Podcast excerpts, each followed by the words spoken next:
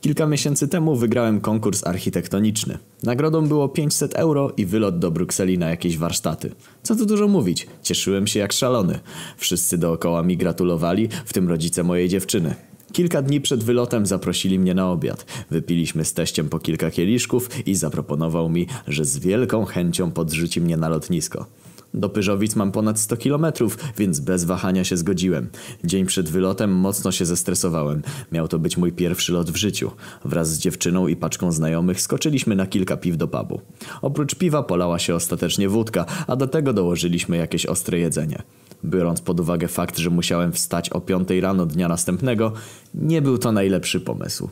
Już o 5.30 pod blokiem czekał na mnie przyszły teściu w swoim nowiutkim Citroenie C4, a podróż na tylnym siedzeniu miała umilać nam moja dziewczyna. Jeszcze na lekkim kacu zdążyłem z rana wypić tylko kawę i ruszyliśmy w trasę. Wszystko było dobrze aż do momentu, gdzie zaczęło dziwnie kręcić mnie w brzuchu. Co jakiś czas wypuszczałem kontrolowane cichacze, ale to dziwne uczucie zaczynało mnie niepokoić. Mieliśmy jeszcze około 20 kilometrów do lotniska. Wtedy nadszedł kryzys. Kręciłem się na fotelu jak pojebany, a zwieracze powoli przegrywały wojnę z nadciągającą lawiną. Zagryzałem ostro zęby i ściskałem oczy, przez które ledwo już widziałem.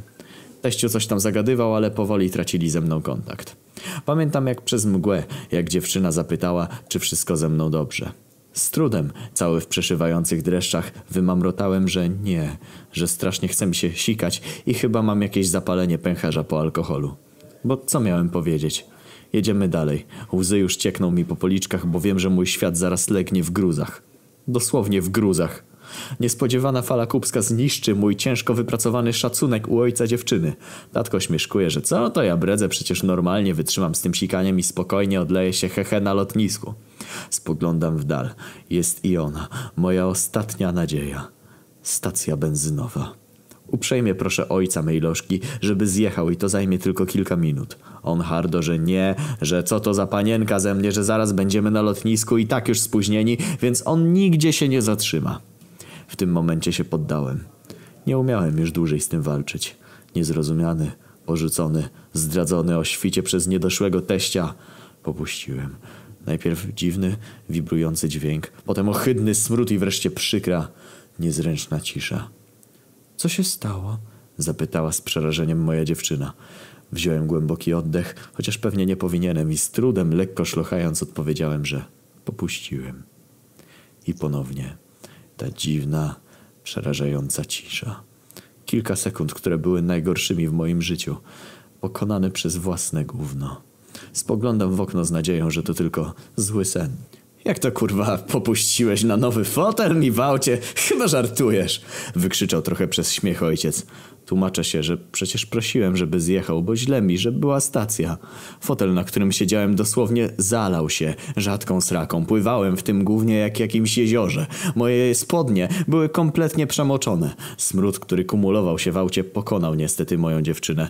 Biedaczka zaczęła wymiotować. Ojciec dostaje w kurwicy, że co tu się odjebało i natychmiast zjeżdża na pobocze. Wysiadamy, ja cały obsrany, dziewczyna obrzygana, fotel na moim siedzeniu tonie w kubsku, podłoga z tyłu fajdana w Nikt nie wierzy w to, co się stało. Teściu rzuca mi ręczniki papierowe i krzyczy, żebym wytarł szybko siedzenie i podłogę z tyłu. Myję to wszystko jak tylko mogę. Dłonie ujebane po uszy gównem, dziewczyna z boku płacze, a stary łapie się za głowę. Proszę go, żeby wyciągnął moją torbę z bagażnika i podał mi losowe spodnie. Poleciałem w krzaki i czuję, że kolejna fala nadchodzi. Sram na kucaka i szlocham ze wstydu, kilka metrów od mojej niedoszłej rodziny.